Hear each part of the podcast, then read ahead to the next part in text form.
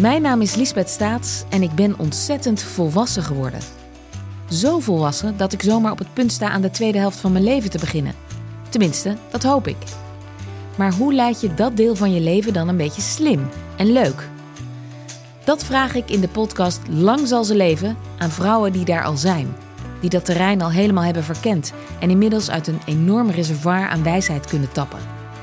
Ik praat onder andere met Annemarie Oster, Petra Lasseur, Annemarie Jortsma en Tineke de Nooi in Lang zal ze leven.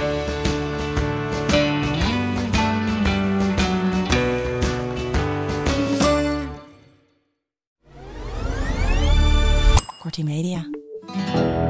Die vrouw zit in zijn hoofd en in zijn computer en in zijn bedrijf. En dat is een bedreiging voor Nederland. En dat eh, het, het, ik heb wel eens gedacht van nou, ik weet niet of er ooit nog een moment komt dat iemand doorheeft dat er moet worden ingegrepen. Dit is Gonzo, de podcast waarin we praten met journalisten over dat ene verhaal in hun carrière dat ze altijd is bijgebleven. Dat kan zijn omdat het een scoop was, omdat het opzienbarend was, riskant, gelauwerd, hilarisch, ontroerend of onthullend, of het was en is gewoon een goed verhaal. Mijn naam is Merel Westrik, tegenover me zit Frans Lomans. Frans, weer een journalist die we toevoegen aan onze eigen kleine journalistieke Hall of Fame. Een journalist En die wat jij- voor een? Ja, wat voor een. Een journalist die jij uitgebreid becomplimenteerde eh, voorafgaand eh, aan deze opname. Vanwege haar optreden in eh, Zondag met Lubach. Ja, daar schrik ik dan wel van. Hè? Want ik wist dat onze gast niet heel vaak op televisie was. Dit zou wel eens een van de eerste keren geweest kunnen zijn. De avondshow moet ik eigenlijk zeggen. Ja. Met Lubach. En dat deed ze me een partij goed. Mij staan ook nog wel mijn eerste tv-optredens bij. En dan kreeg ik altijd als compliment, tussen aanhalingstekens... Je hebt wel een heel goed radiohoofd. Hè? Nee, dat, ja, ja, ja. Ik bedoel, de, de camera had ook altijd heel veel moeite om mij in beeld te houden. Want ik zat maar wat te schudden op mijn stoel. Hè? Dus ik was gewoon uit beeld soms. Ja, Dus, eh, en, en hier, ik was stinkend jaloers. ja. Goddank hebben ze dan voor jou weer een podcast bedacht, Frans. Gelukkig hebben ze voor mij radio en podcast en gewoon een één op één gesprek eh, bedacht. Kijk, Ja? Ja. want dat doe je hartstikke goed. Dankjewel, schat. Mooi. We gaan eh, eensgezind naar onze gast eh, in de studio dit keer, Angelique Kunst. Welkom Angelique. Hi, goedemiddag. Leuk dat je er bent. Ehm Angelique, we beginnen altijd even met een eh, kort journalistiek cv. Daar gaan we. Je begon je journalistieke carrière in 1986 bij de Twentse Courant. Daarna schreef je ook voor Libelle en Dagblad Tubantia. In 1999 werd je chefredactie bij Dagblad Tubantia. En sinds 2022 ben je onderzoeksjournalist bij het AD. Ja. En voor het verhaal, of beter gezegd, eh, de reeks verhalen waar we het zo over gaan hebben, werd je in 2020 genomineerd voor een tegel. Eh, Angelique, toen we jou vroegen om hier te komen praten over dat ene verhaal in je carrière dat je altijd is bijgebleven. En wist je toen meteen welk verhaal dat moest zijn? Ja, uiteraard. Want ik ben er al vijf jaar mee bezig en ik ben, eh, ik ben er inderdaad mee eh, bij Lubach geweest. Dank voor het compliment trouwens. Ehm, en bij Op 1 en eh, in diverse radioshows. En eh, ja, ja, dit verhaal heeft natuurlijk wel enorme impact gehad. Dit verhaal koos jou, hè? Dit verhaal koos mij. Ja, Ja. Toen ik eh, hier aan begon, wist ik niet waar ik aan begon. Het is echt een soort rollercoaster geweest eh, de afgelopen jaren. Met, eh, en, en ik moet zeggen, ik ben ook wel blij dat dit op mijn pad kwam toen ik al een heleboel jaren ervaring had. Want eh, het, het vergt wel alles van je journalistieke kennis en kunde om dit op een goede manier in beeld te brengen. En ik denk dat ik dat twintig jaar geleden nog niet gekund zou hebben. In hoeverre is het een ongoing story? Nou, ik heb afgelopen maandag nog bij een eh, tuchtzaak tegen een eh, voormalig advocaat van meneer Sanderink gezeten. Daar heb ik niet over geschreven, maar ik hou het wel allemaal bij, want dit verhaal is nog niet over. En ik heb geen idee wanneer het eindigt, maar ik hou het wel bij. Dus het is een verhaal met een open eind waar we het over gaan hebben, dat nog wel eens heel lang zou kunnen gaan.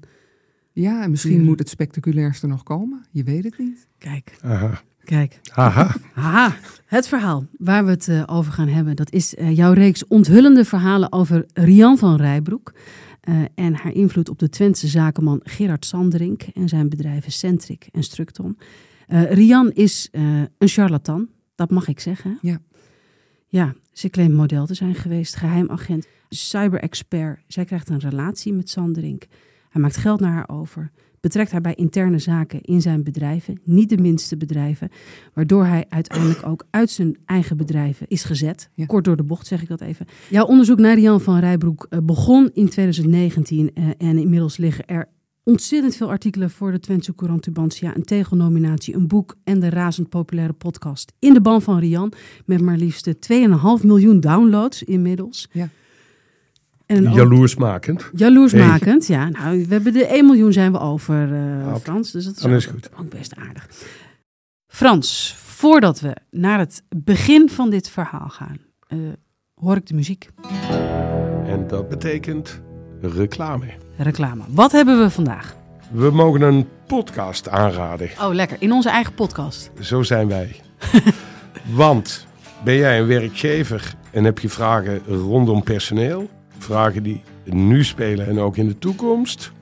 De, de- dan eh, hebben we een eh, goede podcast voor je om aan te raden. Luister dan naar eh, Werken aan Groei. Daarin spreekt Jan-Willem Boks van Indeed met experts. Zo praat hij bijvoorbeeld met ex-commando Ray Klaasens. Dat is die commando van Kamp van Koningsbrugge, ken je die? Ken ik niet, maar het is een aanbeveling. Maar ook praat hij met NRC-columnist Japke D. Bauma over jeukwoorden en kantoorjargon. Frans, Japke D., die vind jij hartstikke leuk. Daar ben ik een waanzinnige fan van. Ik lees echt alle stukjes in NRC. Ja, Dus eh, ja die nee, ik, ik zal luisteren, zeker als Japke D. te gast is. misschien had jij zo'n podcast wel kunnen gebruiken toen jij nog hoofdredacteur was, of niet? was je een Eh, goeie? Ik, ik was best goed in personeelsbeleid. Weinig verloop? Heel weinig verloop, maar enige tips waren welkom geweest. Oké, nou als je tips eh, wil hebben, luister dan naar Werken aan Groei. Een podcast van Indeed over werkgeverschap en HR van de toekomst. Dan weet je hoe je de beste mensen kan aantrekken en ook kan behouden. En Gaan we weer verder terug naar het verhaal. ons verhaal. Laten we bij het begin beginnen. Rian van Rijbroek, wanneer hoorde je voor het eerst van haar? Dat was op 3 april 2019 om ongeveer 12 uur. Ho- hoezo weet je dat zo exact? Ja, als je achteraf eh, eh, beseft eh, hoe groot het verhaal wordt, dan ga je makkelijk terug naar het begin. En die datum staat inmiddels wel in mijn geheugen gegrift. Ehm, eh, er was een rechtszaak bij de rechtbank in Almelo van meneer Sanderink tegen zijn vriendin. Dat wisten wij op de redactie. En ik overlegde met mijn collega Gerben Kuitert van wie, wie van ons gaat daar naartoe. Ehm, nou, zegt hij, ga jij maar, want ik kan nogal goed met, eh met Sanderink en ik kan helemaal niet met die van Echten. Dus het is misschien handig als jij daar eh, eh, even gaat kijken. En toen zagen we de dagvaarding voor die rechtszaak. En daar stond in dat meneer Sanderink zijn vriendin beschuldigde van eh, fraude, diefstal en seks met Afrikanen. Oh. Nou, dat, Laatste lijkt me dat- niet strafbaar. dat laatste is absoluut niet strafbaar. Ehm, en wij vonden dat hilarisch, want wij kenden meneer Sanderink en zijn vriendin al een hele tijd. En dat waren allebei buitengewoon degelijke types, Ja. op het saaien af. Eh, en seks met Afrikanen is niet het eerste wat bij je opkomt eh, als je naar die twee kijkt. Dus het verbaasde Dus, jullie dus ook dat misschien verbaasde ons, maar we moesten er natuurlijk ook wel erg om lachen. En toen eh, was het van nou, naar die rechtszaak en we gaan kijken wat daar gebeurt. Nou, tijdens die rechtszaak bleek dat Sanderink zijn vriendin dus tegenover iedereen eh, beschuldigde. Eh, hij hij eh, vertelde verhalen bij, binnen zijn bedrijven en ook aan haar personeel, want ze was directeur van een van zijn bedrijven. En ja, daar was hij blijkbaar al maanden mee bezig. En, En eh, was voorheen gewoon een leuke, goede relatie. Voor zover wij Ja. konden overzien. Ze woonden niet samen, ze hadden een latrelatie. Maar hij kwam elke zondag na de kerk kwam hij bij haar. En dan dronken ze samen koffie. En ze gingen samen naar voetbalwedstrijden en naar recepties en dat soort dingen. Dat klinkt als een ideale relatie. Ja, dat zou je kunnen zeggen. Ja. En zij eh, zat ook in de stichting die zijn erfenis ging beheren. Dus hij vertrouwde haar volkomen. Ja. Dat bleek uit alles. En toen ineens niet meer bleek tijdens die rechtszaak. En eh, zij kon tijdens die rechtszaak wel vertellen waar dat door kwam. Hij had namelijk een nieuwe vriendin. Aha. En daar had zij onderzoek naar gedaan. En dat was Rian van Rijbroek. En die had een jaar geleden in een uitzending van Nieuwsuur eh, beweerd dat ze cyber-expert was. En dat was ze helemaal niet. Het was gewoon een leugenaar. En eh, die had nu eh, haar Gerard in de klauwen. En wij zaten elkaar op de perstribune aan te kijken van... mijn god, wat is, wat is dit? Is dit voor Wie is, die, wie is die Rian van Rijbroek? Nou, toen ik terugkwam op de redactie heb ik dat eh, even gegoogeld. En toen kwam ik dat befaamde nieuwsuurstukje tegen. En toen dacht ik, oh, dat is die. Want Kijk. natuurlijk had ik dat, die nieuwsuuruitzending wel gezien. En, eh, ja, en alles wat er daarna gebeurde, de nieuwsuur heeft moeten rectificeren. En nou, er er stak echt een soort stormpje op van hoe kan je nou zo'n charlatan in die uitzending halen... eh, terwijl ze echt van niks weet en domme dingen roept. Laten we even naar dat fragment luisteren. Want dat is een fragment, denk ik, dat voor heel veel mensen de eerste kennismaking was met Rian van Rijbroek. Rian van Rijbroek is bij ons. Hij is eh, expert cyberveiligheid en schrijver van het boek eh, De wereld van cybersecurity en cybercrime. Hartelijk welkom. Dankjewel. Um, u heeft jarenlang uh, hacks uitgevoerd in opdracht van uh, geheime diensten en overheden. Um, Klaas Knot hoorden we net zeggen, de president van de Nederlandse Bank, ja, die DDoS-aanvallen zijn aan de orde van de dag. In hoeverre zijn de aanvallen van de afgelopen dagen nou anders? De aanvallen zijn, je ziet vanaf uh, eind 2013 zie je een bepaalde trend. De aanvallen zijn groter, zijn geavanceerder. En het lijkt erop alsof iemand de beveiliging van de banken in dit geval, van de Belastingdienst in dit geval, aan het testen is. Ja. Ja. Dat, dat klinkt als een echte expert, hè? Nou ja, in het begin van dat interview denk je nog, het is een echte Ja. expert. Ja. Maar op een gegeven moment denk je wel, dat klopt niet. Het is misschien niet helemaal. Nee, ze gaat hele rare dingen roepen. Ja. Ja. Want eh, je kwam dus terug op de redactie. Gian van Rijbroek. Je ging googlen, je ging met mensen over het praten. Of iemand er misschien kende. Je kwam bij dat nieuwsuur-ding nog een keer terecht. En gingen toen alle journalistieke bellen rinkelen bij jou? Of Nee, eigenlijk, van- eigenlijk nog niet eens. Want eh, eh, die rechtszaak eindigde eigenlijk nogal raar. Ehm, de rechter stuurde op een gegeven moment de partijen de gang op om te kijken of er een schikking bereikt kon worden. Ehm, en ik ben meegelopen naar de gang en ik zag daar in een hoekje eh, Gerard Sanderink met Brigitte van Echten staan. En zij was wanhopig. Gerard, dit geloof je toch niet? Dit heb ik niet gedaan. Dat weet je toch? Je kent me toch? En op een gegeven moment, hij stond er een beetje te schutteren. En op een gegeven moment legt hij zijn handen op haar schouders en hij zegt: Zand erover. Ik denk, nou, klaar. Ja. opgelost? Ik maak er wel een stukje van, maar hier horen we nooit meer iets van terug. Ehm, en ik, ik moet je zeggen, toen ik eh, Rian van Rijbroek nog even googelde en eh, zag dat zij eh cybercharlatan was, toen dacht ik wel, dat is raar. Want Gerard Sanderink is de baas van een van de belangrijkste ICT-bedrijven van Nederland. Die man heeft verstand van ICT. Hoe kan die nou in godsnaam met deze dame aan de haal Ja. gaan? Want dat moeten we dan meteen even duidelijk maken. Eh, hij- heeft de bedrijven Centric en Structon. En eh, Structon zorgt bijvoorbeeld voor de infrastructuur in Nederland, hè, spoorwegen. Ja, Bruggen. spoorwegen, bruggen, viaducten, wegen, onderhoud, eh, allemaal van dat soort dingen. En Centric is een ontzettend belangrijk ICT-bedrijf. Ja, Centric werkt heel veel voor Nederlandse gemeenten. Werkte destijds ook nog voor de Sociale Verzekeringsbank, voor de Nederlandse Bank. Eh, ja, die zaten echt diep in de overheids-ICT.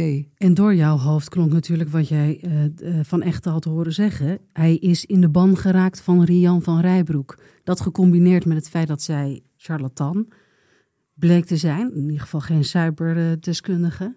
Dat deed meteen wel een alarmbel afgaan. Ja, ja, want Brigitte van Echten formuleerde het tijdens die rechtszaak van Gerard, er is iemand in jouw hoofd gekropen. En dat was wel een beeld waarvan ik dacht, oké, als zij in zijn hoofd zit, da- dat is niet goed.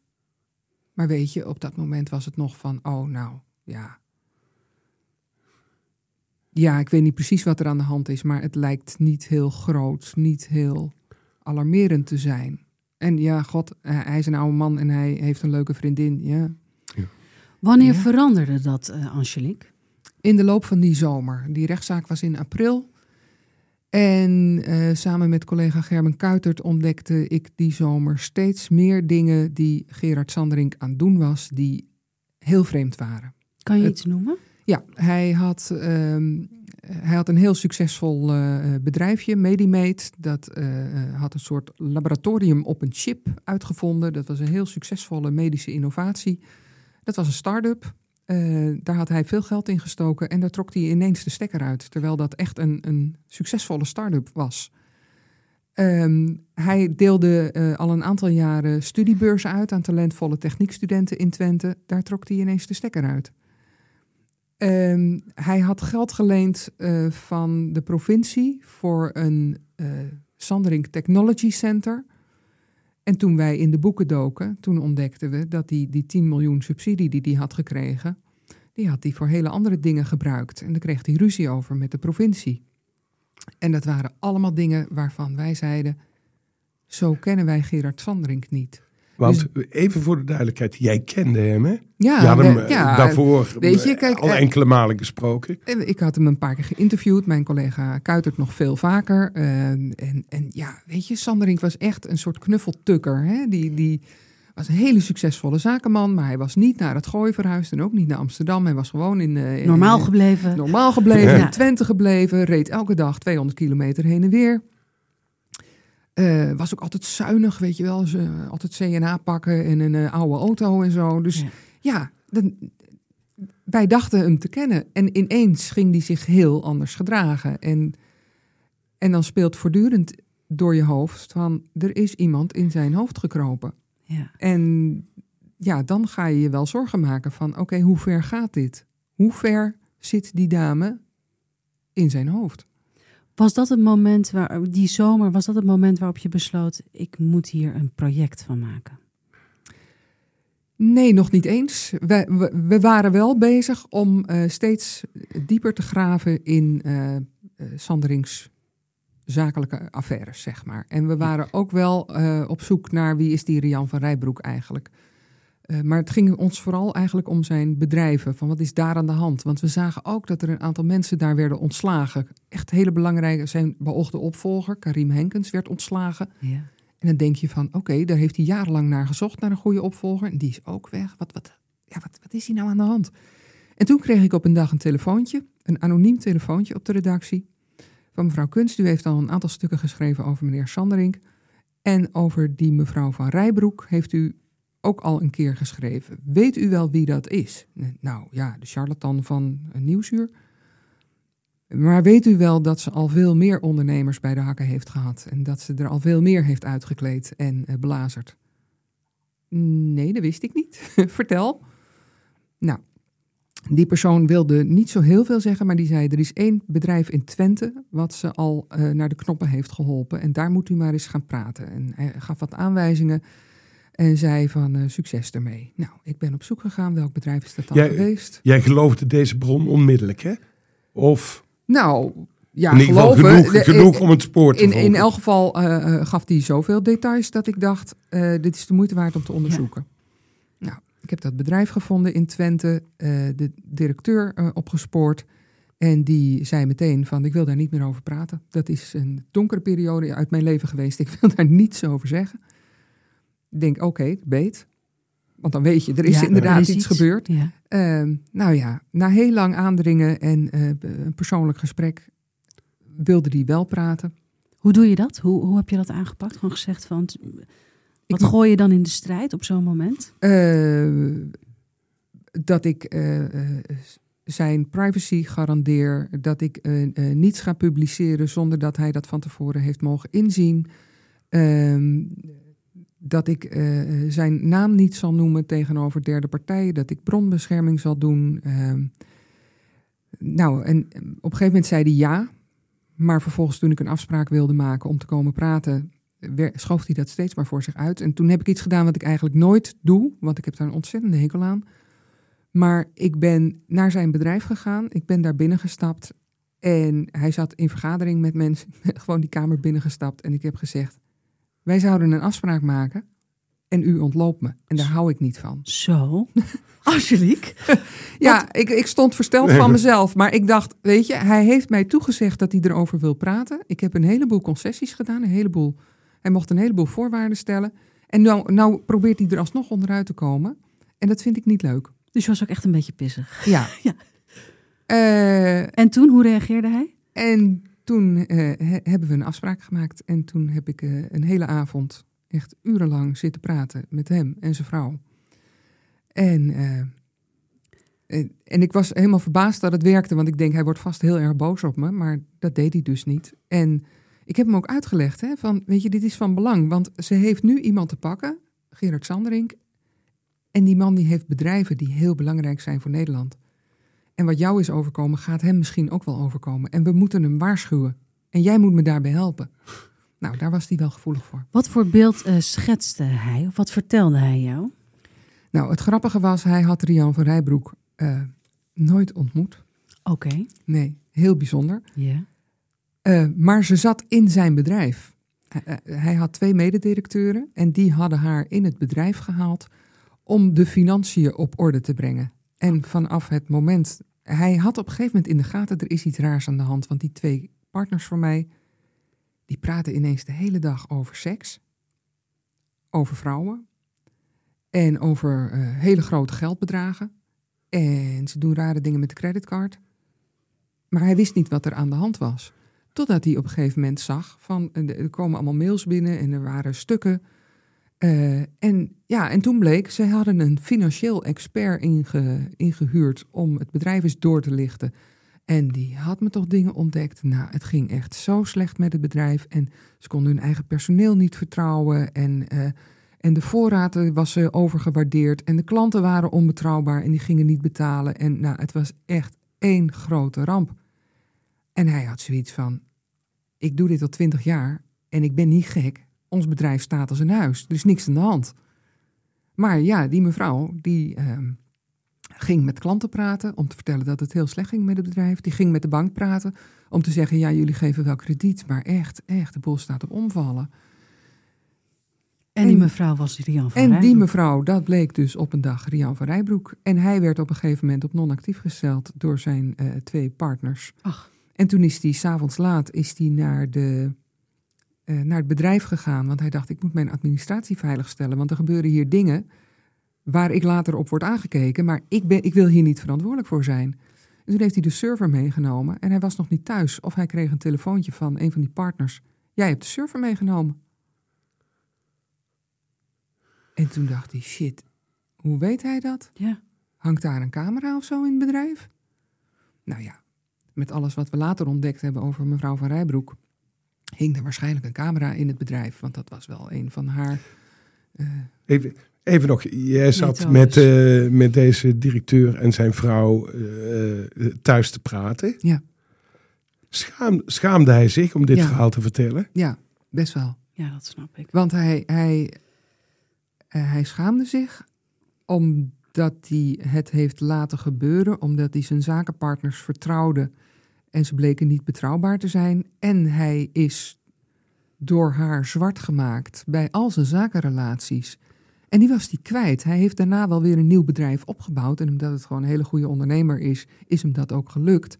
Maar er waren op dat moment nog steeds mensen die hem erop aankeken dat dat bedrijf failliet was gegaan. En de, ja. hij schaamde zich kapot dat hij dat had laten gebeuren.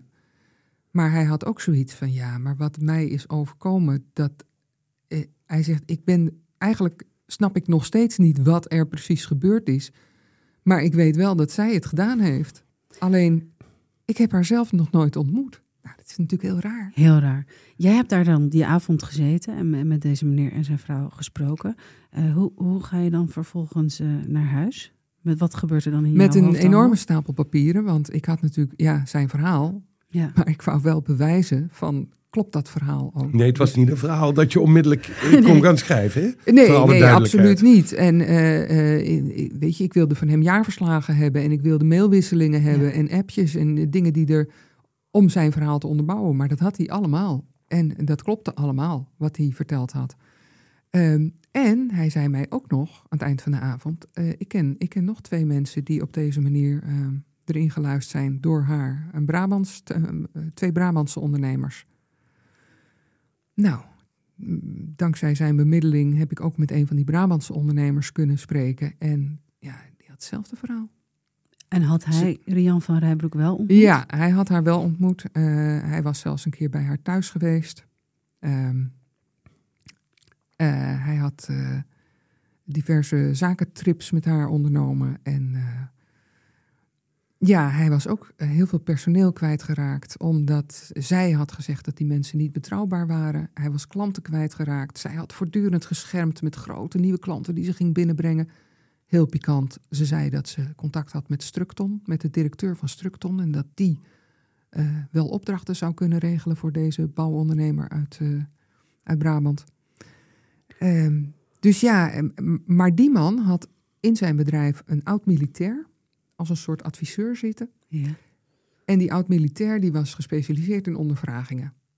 En die had al heel snel in de gaten tijdens vergaderingen, deze dame deugt niet. En die liet wat ondervragingstactieken op haar los en ze viel onmiddellijk door de mand. Dus die zei op een gegeven moment, jongen, dit kan echt niet. Dit is, deze dame is zo fout, die moet eruit.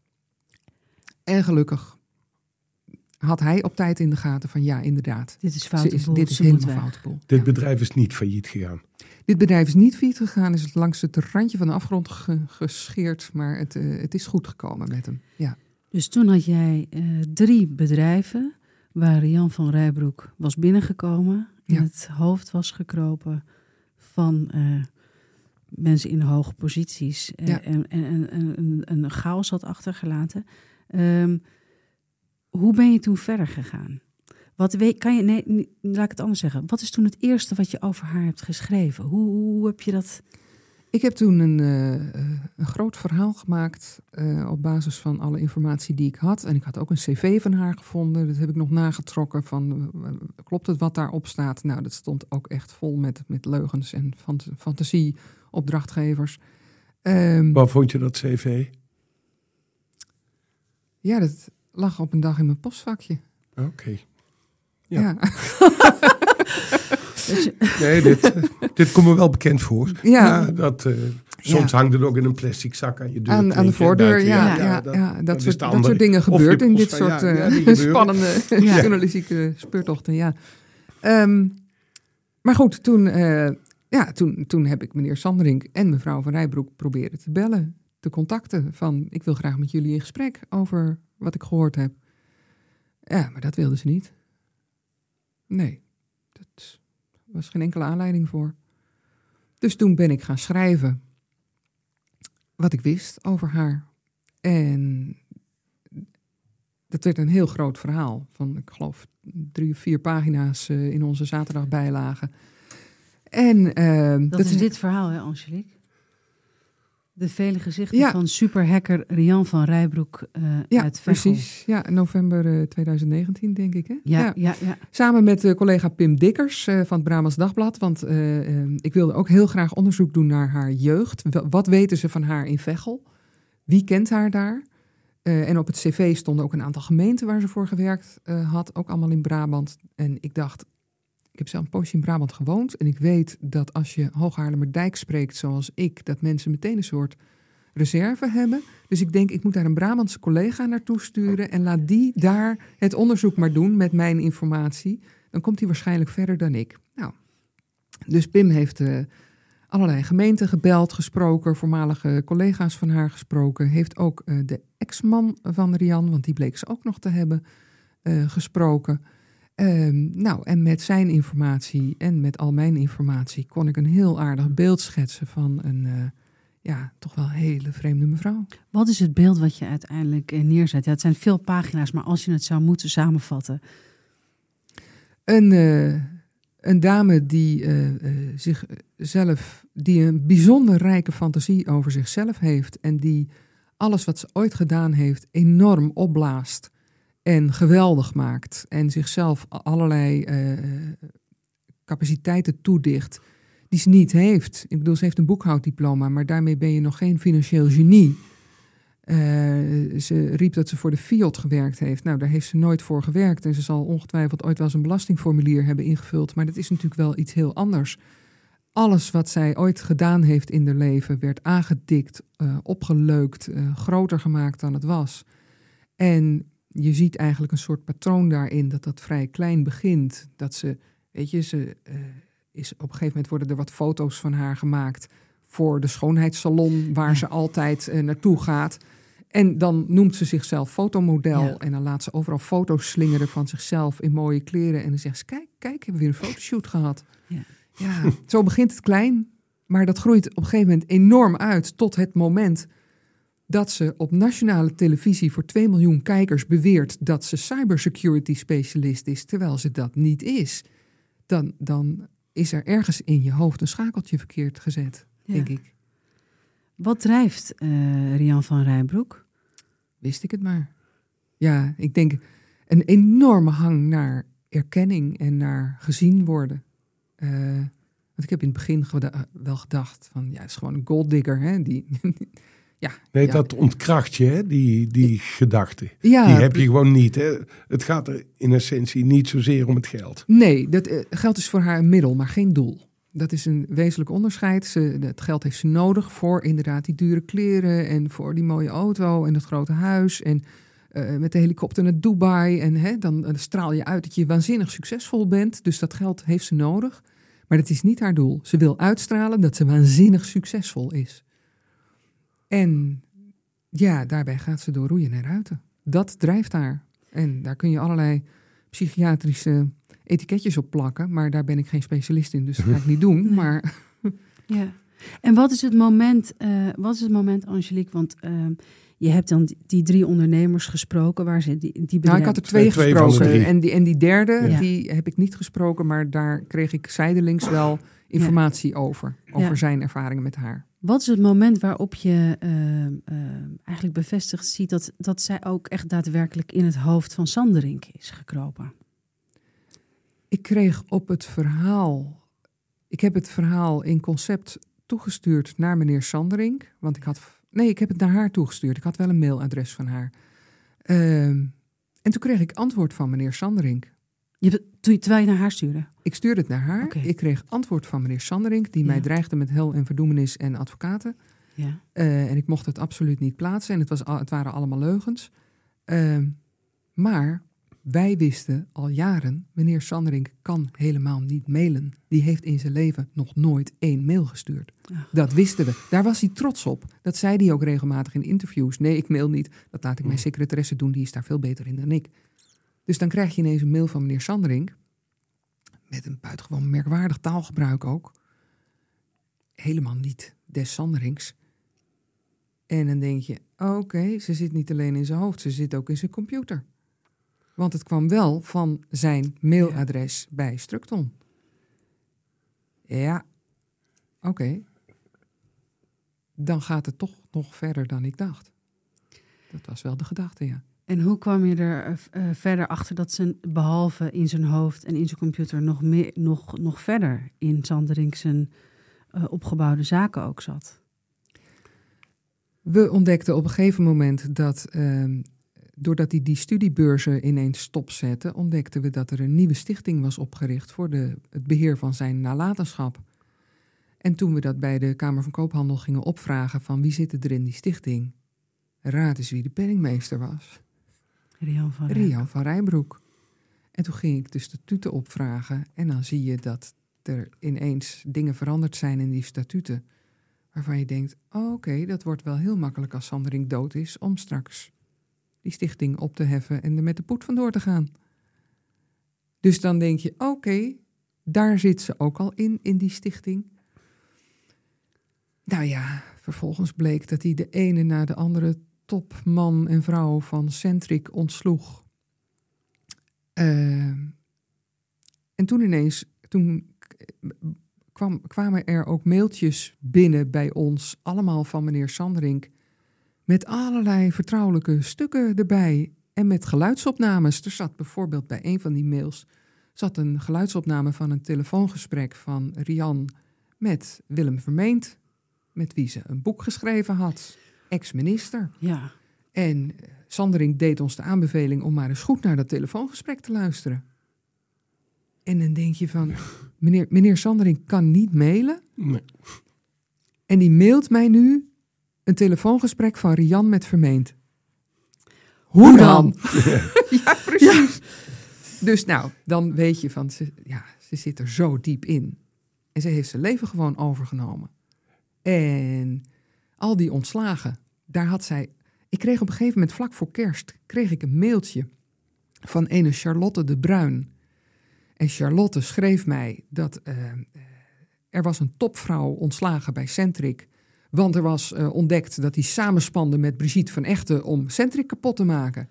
Nou, ik herkende aan het taalgebruik en de interpunctie en de hele manier waarop die mail was opgesteld. Van, oh, dit is er weer eentje van Rian. En dat bleek achteraf ook wel, die is inderdaad van Rian. Ja. Kwam ook van haar, uh, nee, die kwam niet van haar IP-adres. Maar andere mailtjes wel. Maar ik, weet je... Dan je herkende van, haar stijl Ik herkende haar stijl en, en toen dacht ik, maar zij gaat mij nu persoonlijk mailen om iets te vertellen wat er bij Centric gebeurd is. Dan weet zij dus precies hoe de hazen lopen bij Centric. Ja. Dat, dit is heel raar. Even, jij, jij, schreef uh, deze verhalen en met name ook dit verhaal voor Tubantia volgens mij in eerste instantie. Ja, klopt. Bleef dit regionaal nieuws of werd het snel soort van landelijk? Um, het is naar mijn zin veel te lang regionaal gebleven. Ik moet zeggen, uh, in het begin heb ik nog uh, een paar keer contact gehad met Follow the Money, met Erik Smit. Daar heb ik ook samen een, onderzoek mee gedaan naar het IP-adres van uh, Rian van Rijbroek. Of nee, dat, dat ging naar um, een politieman met wie zij contacten had. heel dubieus verhaal. ik heb contact gehad met Computable, dat ging over het IP-adres. Um, het FD haakte op een gegeven moment aan. Die zaten wel bij alle rechtszaken.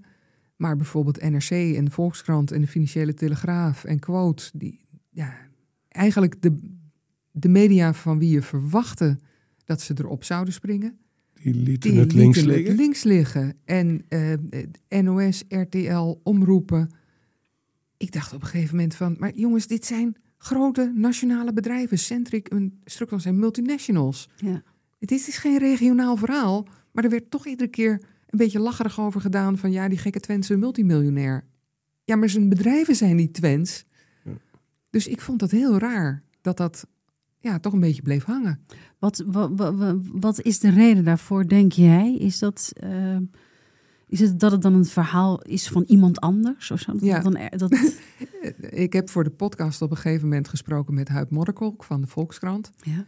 En toen heb ik het hem maar gewoon gevraagd van Huip, waarom hebben jullie daar zo weinig over geschreven? En toen zei hij, dit mag ik eigenlijk niet zeggen van mijn baas. Maar iedere keer als we het erover hadden, dan zeiden we ja, maar als we hier iets over brengen, moet het wel iets nieuws zijn. Maar jij had het allemaal al opgeschreven. Dus wij konden niks nieuws meer vinden. Ja, dat, dat, dat snap ik. Ja, ja dan is de grijns de rest van de dag niet meer van mijn gezicht te slaan, moet ik eerlijk bekennen. Maar, maar zat er ook niet zoiets in van, is dit niet een soort typisch anti-provincialisme van de media die allemaal in de Randstad zitten? Of ben ik nu een beetje BBB-achtig aan doen? ik, dat zou ik oprecht niet kunnen zeggen. Kijk, ik denk dat als een ander Randstadmedium het allemaal al geschreven had, dat ze ook niet aangehaakt zouden zijn. Nee, dat begrijp ik nog wel. Ja, precies. dus het was niet zozeer anti-Tubantia. Het was meer, ja, iemand anders heeft het al gehad, dus wij pakken het niet nog een keer op, tenzij we met een hele grote scoop kunnen komen. Maar ja, weet je, ik zat op een gegeven moment zo dik in het dossier dat... Ja. Je was niet mee in te halen, Nee, je hebt op een gegeven moment wel een enorme voorsprong, ja. Dat is gewoon zo. Ja. Want het is een gigantisch dossier. Zijn, je hebt ontzettend veel uh, geschreven. Um, je bent ook een podcastserie gaan maken. In de ban van Rian.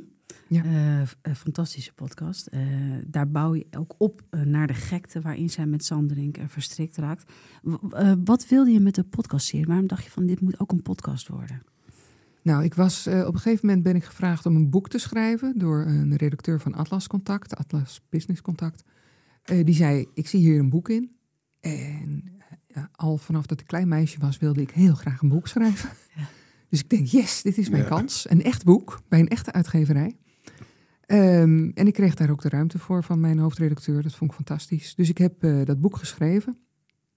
En terwijl ik daarmee bezig was, moest ik eigenlijk heel veel weglaten over Rian. Ik bedoel, Rian komt uiteraard in het boek voor. Maar het moest wel een beetje een businessboek worden. Dus het ging vooral over Gerard Sandering en zijn bedrijven.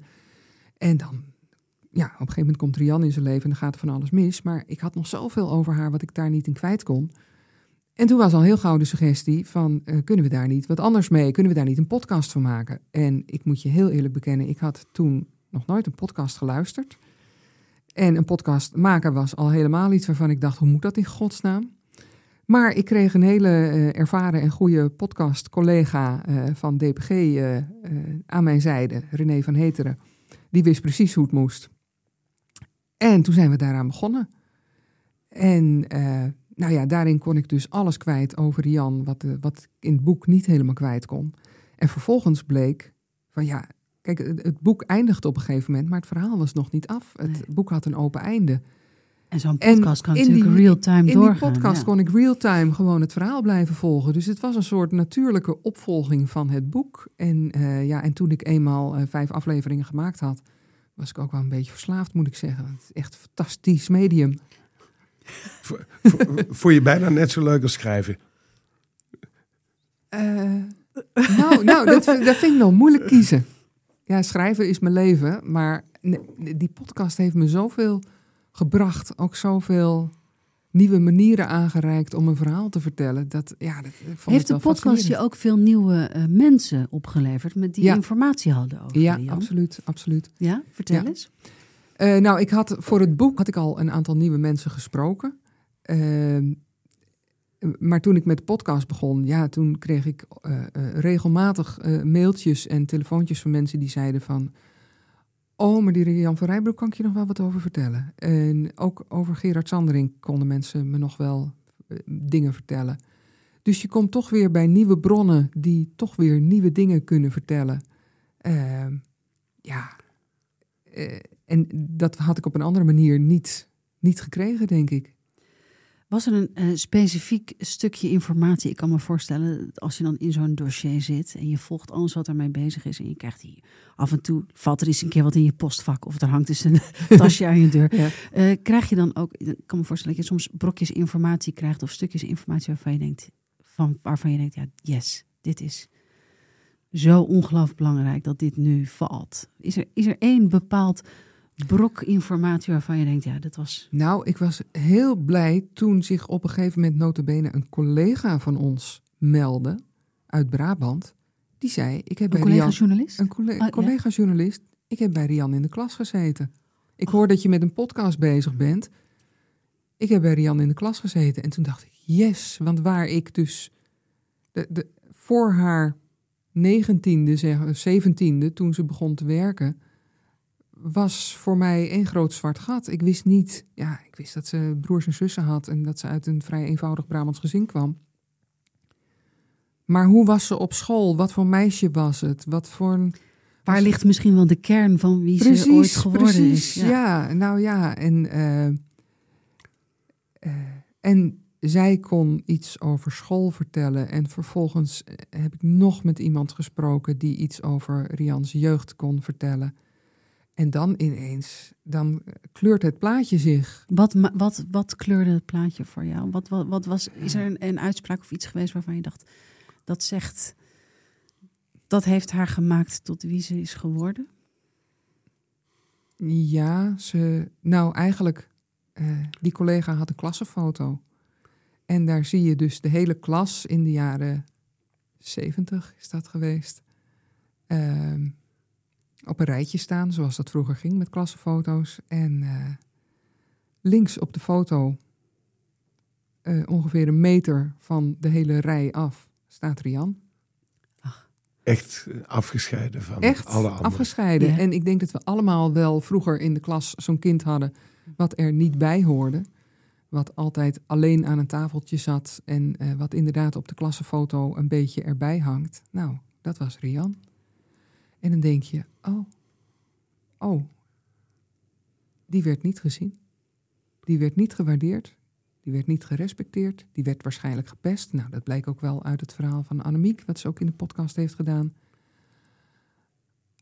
Oké, okay, ja, dat, dat verklaart misschien een hoop. Nou raak je ergens misschien een kern van hoe iets kan uitgroeien. Ja. ja. Is, is zij geniaal? Nee, nee. Frans, waar komt deze vraag opeens vandaan? Nee, dat, is zij geniaal? Nee, dat vraagt me af. Ik bedoel, ze kan iets wat de meeste mensen niet kunnen. Ja, absoluut. Toch? Ja, ze heeft een feilloos gevoel voor kwetsbare mannen. Of voor kwetsbare plekken in mannen. Uh, En misschien heeft ze daar niet eens feilloos gevoel voor. Want ik heb ook iemand gesproken bij wie ze het ook geprobeerd heeft. En die was daar niet erg gevoelig voor. Maar die zei van ja, weet je, ze probeert het gewoon bij honderd mannen. En als ze het bij eentje raak schiet, dan, uh, Ja. dan, dan, he- dan hengelt ze hem binnen. En er zijn gewoon mannen die heel bevattelijk zijn voor haar modus operandi. Die zich in de luren laten leggen door eh, haar gevlei en haar meepraten en haar, ja, en misschien ook wel haar verschijning. Ja, want het is een, eh, want het is een behoorlijke verschijning. Toch? Ze, ze kleedt zich wel op een bepaalde. Ze, ze kleedt zich uit- uitdagend, zou je dat kunnen zeggen? Ja, ze kleedt zich uitdagend en ze kleedt zich eh, opvallend. En eh, ze, ze, ze gedraagt zich ook opvallend. Ik hoorde ook van mensen in Veghel dat ze altijd luid pratend in de iPhone over straat liep. Ze had altijd de telefoon aan haar oor en was altijd met hele ingewikkelde gesprekken bezig over hele belangrijke dingen. Dus eh, ze, ze wilde heel graag aandacht trekken. Ehm, ik moet je zeggen, de paar keren dat ik haar gezien heb in de rechtszaal, wat me dan onmiddellijk opvalt, is dat ze bij die hele dure kleding die ze aan heeft, echte designerkleding, Versace, eh, dat ze hele afgetrapte schoenen aan heeft, die niet gepoetst zijn. En dat ze hele afgekloven nagels heeft, in plaats van mooi gemanicuurd en gelakt. Eh, ze is meestal heel mooi opgemaakt met, de, met grote oorbellen en haar haar mooi opgestoken. Maar ik heb er ook wel eens in de rechtszaak gezien dat ik dacht... Jij bent vanmorgen halverwege het opmaken van de spiegel weggelopen Hm. en in de auto gestapt. Dus dat er mooi uitzien, ze weet niet goed hoe dat moet. Het plaatje is niet af. Ze Nee. denkt dat als ze maar dure kleren aantrekt, dat ze er dan mooi uitziet. Maar de hele styling voor de rest klopt gewoon niet. Dus, en dat is ook wel weer. de- dat heeft ook iets ontroerends. Hè? Het, je ziet de kwetsbaarheid van Ja. ze weet niet hoe het moet. En dus overschreeuwt ze zichzelf enorm met hele dure kleren. Ja. Maar ze heeft geen idee. Kun, kun jij nu omschrijven hoe ze Sanderink heeft eh, ingepalmd? Of is dat nog een van de dingen die nog een keer moeten blijken? Ja, kijk, ik heb hem wel dingen over haar horen vertellen. Eh, ze hebben elkaar ontmoet eh, tijdens een etentje op een golfbaan. En eh, ja, en zij had zoveel verstand van cybersecurity. Nou, dat is echt... Ja, en dan moet je weten, Sandring is de baas van Centric geweest. Maar eh, die had echt de ballenverstand van, eh, van ICT. ja, en geweest, want hij is uiteindelijk gewoon uit Ja. zijn bedrijf. uit zijn bedrijven gezet. Ja, ja. maar weet je, hij was in de jaren zeventig was hij echt geniaal in programmeren. Maar op een gegeven moment is hij eh, zeg maar steeds meer bedrijven gaan opkopen en eh, en toen is hij zakenman geworden en toen heeft hij volgens mij de ontwikkelingen op zijn vakgebied niet meer echt bijgehouden. En als je hem nu een mobiele telefoon geeft, dan weet hij zelf echt niet hoe hij daar een nieuwe app op moet zetten. Want dat, dat soort dingen kan hij allemaal niet. Wat dat betreft is het gewoon een, een 75-jarig man die niet zo heel veel kan. Ehm, maar hij was diep onder de indruk van alles wat zij wel kon. Ja, Tijdens dat etentje eh, op Ja. de golfclub ja precies. dat. Ja, en vervolgens, ja, en ze heeft hem enorm zitten vleien van ja, eh, geweldige man. En ach Gerard, wat ben je leuk en hou jij zo van wandelen? Ik ben ook dol op wandelen. Zullen we samen gaan wandelen? Weet je, eh, op die manier. En Sanderink is, dat heb ik van heel veel mensen gehoord die hem goed kennen. Hij is altijd heel kwetsbaar geweest waar het vrouwen betrof. Ehm, hij wist niet hoe hij zich bij vrouwen moest gedragen. Hij wist niet hoe die vrouwen moest vermaken. Hij werd altijd een beetje bang van vrouwen. Want ja, ja, ja, daar moet je iets mee, maar hij wist nooit precies wat.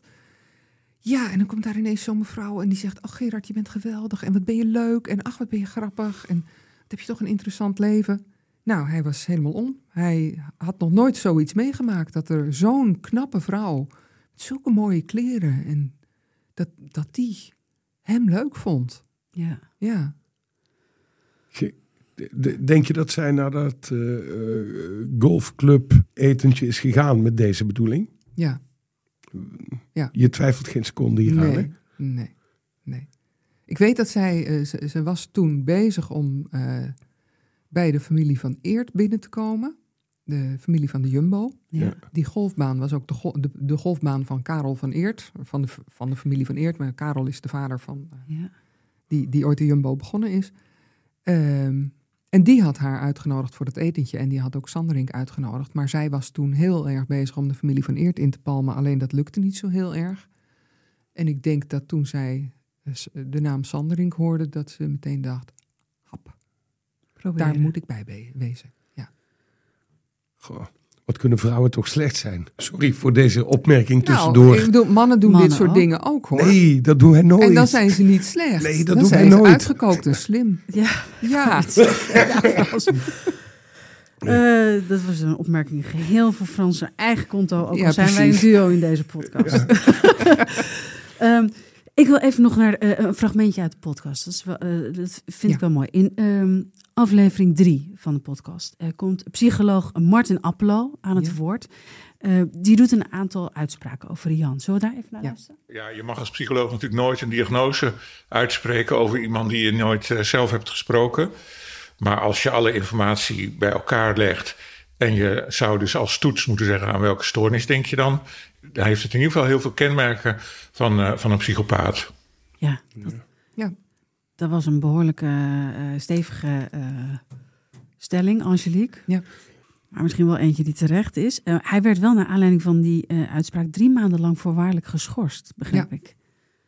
Ja dat klopt. eh, eh, Rian van Rijbroek eh, die pikte dit niet, wat hij allemaal over haar gezegd heeft. En die heeft hem voor de tuchtrechter gesleept. En ja, de tuchtrechter oordeelde, dit had hij niet mogen zeggen. Want de gedragsregels voor psychologen, die stellen dat als je de persoon in kwestie nooit gezien of gesproken hebt, dan mag je daar geen oordeel over vellen. Dan moet je zeer terughoudend zijn in wat je over zo iemand zegt.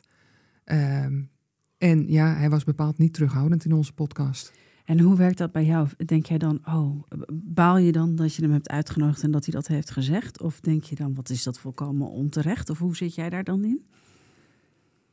Wij hebben van tevoren heel goed nagedacht over eh, een psycholoog erin halen. Want wij kennen die gedragsregel natuurlijk ook wel. Ehm, en ik vind, het, ik vind het wel begrijpelijk, die gedragsregel, maar ik vind hem eigenlijk ook eh, onbegrijpelijk. Want als jij niks mag zeggen over iemand die je nooit gesproken hebt, dan snap ik dat wel.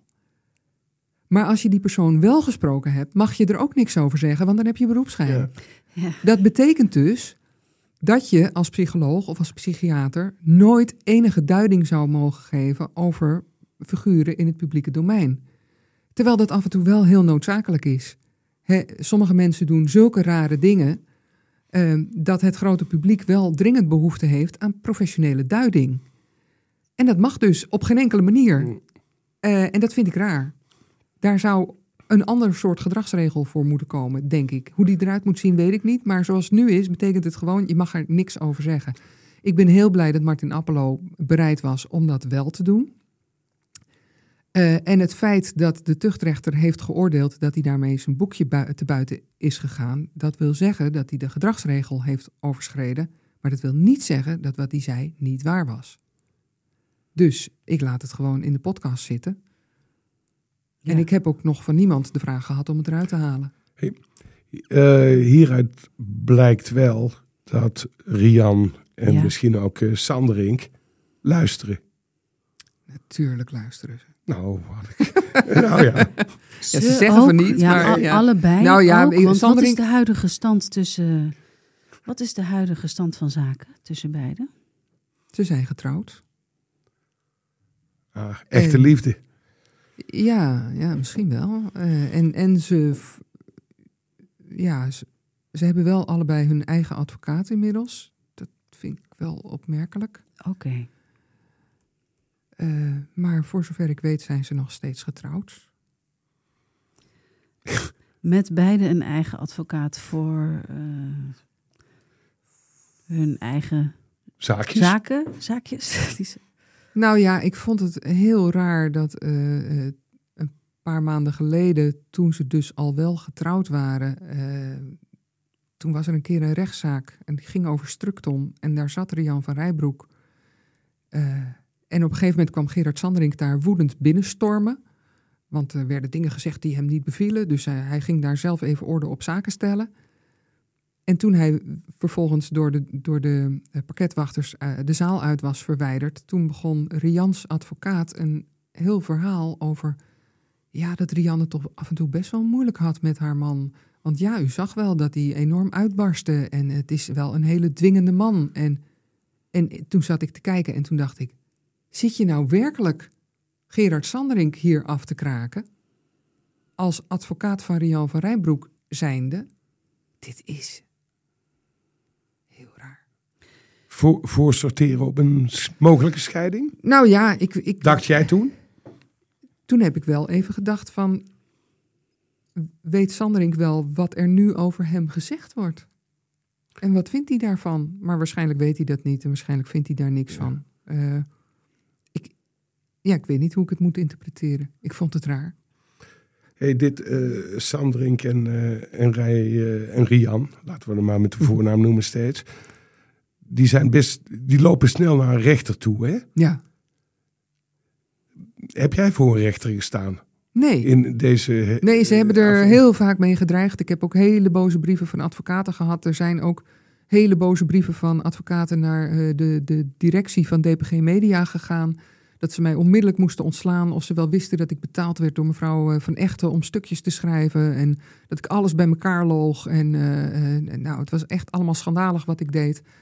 Eh, maar ze hebben het nooit aangedurfd om een rechtszaak te beginnen. Heb, Maar heb, heb je je daar nog wel van? voor over je, wel in je piepzak gezeten? Van dat je denkt van godverdomme, zometeen sta ik voor 300 zaken voor de rechter. Hè? Want ze Ja, slepen nee. er alles bij natuurlijk. Hè? Ja, nee, daar was ik niet bang voor. Nee? En heb je daar last van op, een van de, op enige, enigerlei wijze, Angelique? Want je volgt zo'n dossier. Het is Mhm. toch een beetje, eh, ja, misschien tegen wil en dank. Eh, het, is, het verhaal is naar jou toegekomen. Ja. Je, je volgt dat, je zoekt dat uit. Het wordt Ja. groter, het wordt groter, het wordt groter, het wordt groter. Ja. Eh, heb je er last van dat, dat er brieven binnenkomen bij de directie van DPG? Of dat er af en toe... Nee, het kost vooral heel veel tijd. Ja? Ja, want je moet dat wel beantwoorden. En eh, ik moet ook gewoon alles wat ik schrijf en alles wat ik eh, in de podcast gebruik, dat moet ik verantwoorden, schriftelijk. Dat moet allemaal zwart op wit staan. Alle bronnen moeten controleerbaar zijn. Ehm, dus dat moet ik allemaal heel zorgvuldig documenteren. Want als er ooit een keer een rechtszaak zou komen, dan moeten we dat hebben. En weeg je dan ook in een podcast als deze, of als je naar een televisieoptreden gaat, weeg je dan ook je woorden? Of denk je goed na over wat je wel of niet zegt? Of... Ik denk wel goed na over wat ik wel of niet zeg. Eh, we- eh, kijk, één voorbeeld. ehm, Iets waar- wat je nu gaat zeggen, wat je eigenlijk niet mag zeggen. Ja, Dat precies. ga je ja, nou, eh, wat, wat onze bedrijfsjuristen dus voortdurend eh, zeggen, ik mag haar geen oplichter noemen. Want oplichting is een, eh, een strafrechtelijk delict wat omschreven staat in de wet. Ja. En daar is ze nooit voor veroordeeld. En als je daar niet voor veroordeeld bent, ben je dus geen oplichter. En mag je dus niet zo Dus ik mag wel cybercharlatan zeggen. Ja, Dat zeg ik dan ook regelmatig. ja. Maar ik noem haar geen oplichter. oké. Want dat mag niet. Heb je een eh, vast spreekuur iedere week met eh, de advocaten van, eh, van het bedrijf? niet, niet meer, maar dat had ik op een gegeven moment wel ongeveer zo. In, kijk, mijn boek is natuurlijk ook iedere zin, iedere punt en komma is, is nagekeken. Ik moest overal verantwoording voor afleggen. Ehm, en dat lukte ook heel erg goed. Dat was, was wel grappig. En bij de podcast ook. Ieder script wordt voorgelegd aan de juristen. Ja, dan even eh, misschien voor, de, voor mensen die de podcast nog niet eh, eh, hebben geluisterd of nog niet helemaal hebben afgeluisterd. Laten we toch even naar een fragmentje gaan uit aflevering eh, 9. Dit zegt Rian namelijk zelf over jou Ja, in jouw podcast. ja. Die onzin van die podcast eh, gelezen. En die wordt dan serieus genomen door het OM, hè? Want op basis van het boek van kunst, dus al die onzin. En op basis van die onzin van kunst in de media is het OM een onderzoek gestart bij de bedrijven van Gerard. nee, dus eh, ik heb het ook niet gelezen en die podcast heb ik ook niet beluisterd. Dit moet je even uitleggen. hoe, hoe kom je hier aan? Nou, dat heeft Rian zelf opgestuurd. Dit heeft Rian zelf Ja, opgestuurd. ze heeft op een gegeven moment toen er. ehm, Uh, ik moet even, even in mijn geheugen graven hoor. Uh, toen er een zitting was van de ondernemingskamer over Structon, waar uh, Structon Gerard Sanderink buiten zijn eigen bedrijf wilde zetten. Yeah. Toen zijn zij met z'n tweeën, Rian en Sanderink, een soort mediacampagne begonnen.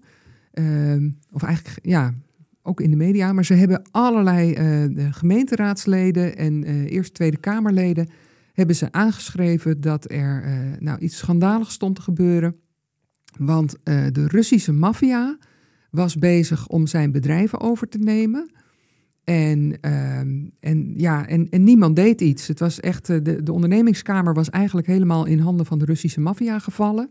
En de ondernemingskamer ging nu zijn bedrijf afpakken.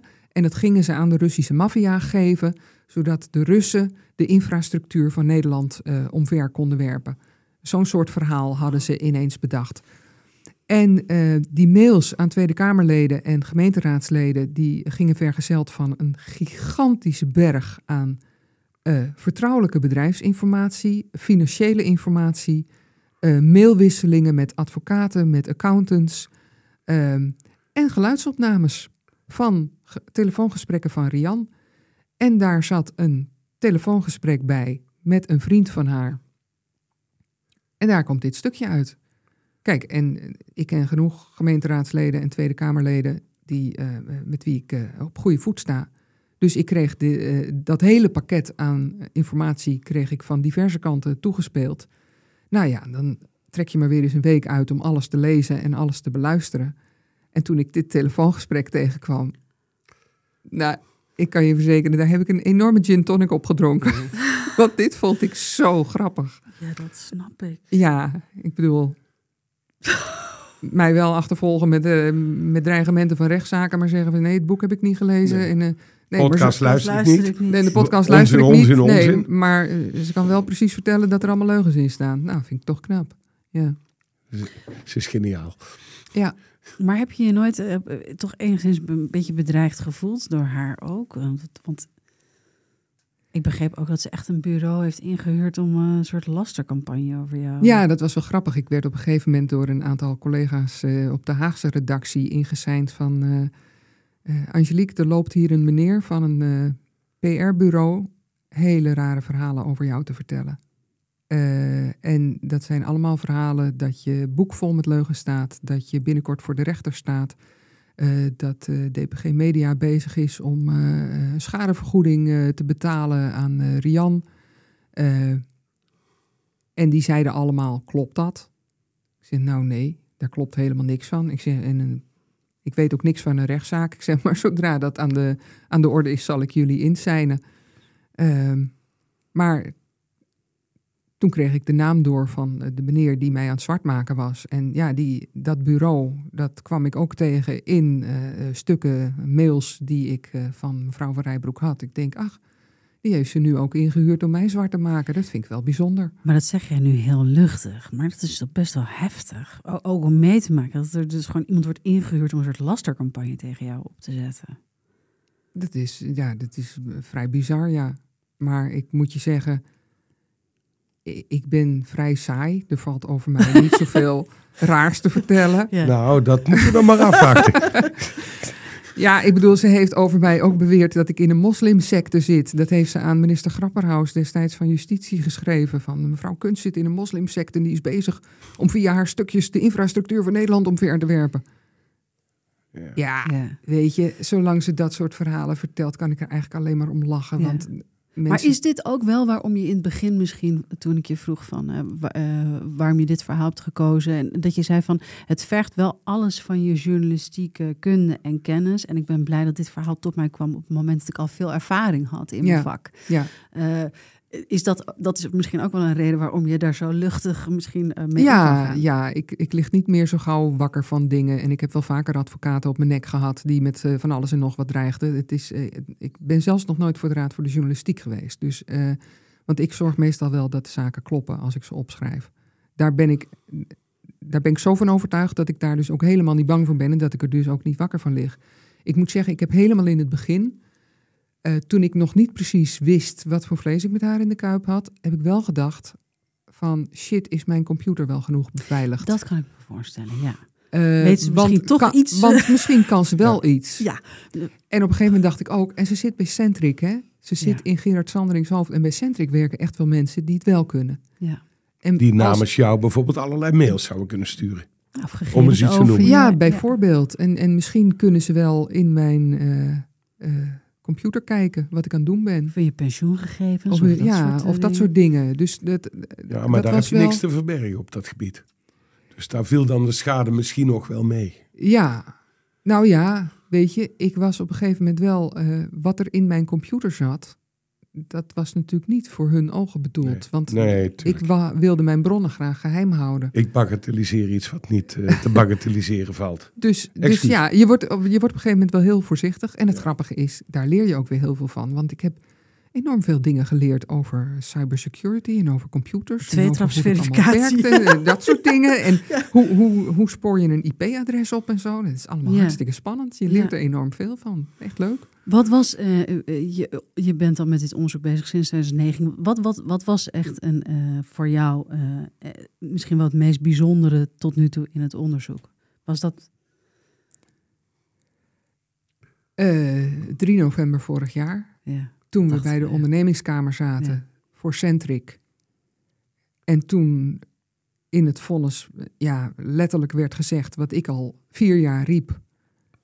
Van die vrouw zit in zijn hoofd en in zijn computer en in zijn bedrijf. En dat is een bedreiging voor Nederland. ja, En dat, eh, het, het, ik heb wel eens gedacht van nou, ik weet niet of er ooit nog een moment komt dat iemand doorheeft dat er moet worden ingegrepen. Eh, Kamerlid Pieter Omzicht, toen nog, ka ja, nog steeds Kamerlid. Eh, Pieter Omzicht eh, had al een aantal keren vragen gesteld. Die had ook wel door dat het echt dreigend was en dat het echt gestopt moest worden. Maar niemand deed iets. Nou, en daar, toen we met z'n allen bij de ondernemingskamer zaten. en er inderdaad werd besloten dat Gerard Sanderink op afstand van zijn bedrijf moest worden gezet. zowel als aandeelhouder als als bestuurder. omdat zijn relatie met mevrouw van Rijbroek toch wel hele vreemde trekjes begon te krijgen. Toen dacht ik, yes. Cool, ja. daar doe je het voor. Dit is wel waarvoor ik de journalistiek ben ingegaan. En daar, moet je, en daar moest je deze leeftijd voor bereiken. Ja, blijkbaar wel. Kijk, ik heb, ik heb wel vaker dingen gedaan. Ik heb ook eh, heel veel bijvoorbeeld over zorgfraude geschreven. En dat was ook enorm bevredigend, omdat je daarmee ook dingen in gang zet. Dat er zorgcharlatans worden opgepakt, eh, eh, uit hun functie worden gezet. Dat gemeenten hun beleid aanpassen omdat er te veel gefraudeerd wordt. En dat is wel omdat je daar enorm op gedrukt hebt van steeds maar weer over blijven schrijven. Dan snappen ze het wel een keer. Eh, ja, dat is cool. Maar eh, ja, deze, dit was wel een soort van hoogtepuntje, ja. Dat begrijp ik. Ja. Dat is het ook. Is dit ook dan op het moment dat je eh, hier aan begint en hiermee bezig bent, is er dan alleen maar ruimte voor dit onderwerp? Nee. Nee? Doe je ook gewoon nog tussendoor allemaal andere dingen? Ja, ik heb in die, in die jaren dat ik eh, eh, bij Tubantia werkte, ik had gewoon de weekenddiensten en eh, gewoon de avonddiensten. En ik schreef gewoon stukjes over van alles en nog wat in coronatijd. eh, het gewone werk ging altijd door. Alleen zo af en toe dan riep ik tegen de baas van... ik heb nou toch iets waar ik echt even een paar dagen voor nodig heb om uit te zoeken. En dan kreeg je En dan ook. kreeg ik dat ook eigenlijk altijd wel. Ja. Ja. En nu hetzelfde, denk ik. Ja, nog steeds. Kijk, ik zit nu bij eh, de AD eh, onderzoeksredactie. En eh, dan heb je sowieso voor alle verhalen veel meer tijd. En dat is mooi. Ehm, maar zoals afgelopen maandag, ja, was er een tuchtzaak waarvan ik van tevoren wel kon inschatten. Nou, dat gaat geen stukje opleveren. Maar ik wilde wel naartoe om de zaken bij te houden. Nou, en dan is dat goed. Denk je dat iedereen inmiddels genoeg gewaarschuwd is voor eh Rian van Rijbroek? Of denk je dat er nog steeds mensen zijn die, eh, nou ja, waar ze in het hoofd zou kunnen kruipen? Ik weet zeker dat er nog steeds mensen zijn bij wie ze in het hoofd kruipt. Want ehm, als je ziet wat er met haar advocaten is gebeurd de afgelopen jaren, eh, dan zijn er diverse advocaten die zich door haar blijkbaar zo gek hebben laten maken dat ze echt zwaar over de schreef zijn gegaan qua gedragsregels en tuchtregels. Ehm, er is, eh, pas geleden is meneer Akda voor een half jaar onvoorwaardelijk geschorst omdat hij zijn bankrekening ter beschikking stelde aan Sanderink en Van Rijbroek. eh, voor allerlei vage transacties, wat hij nooit had mogen doen.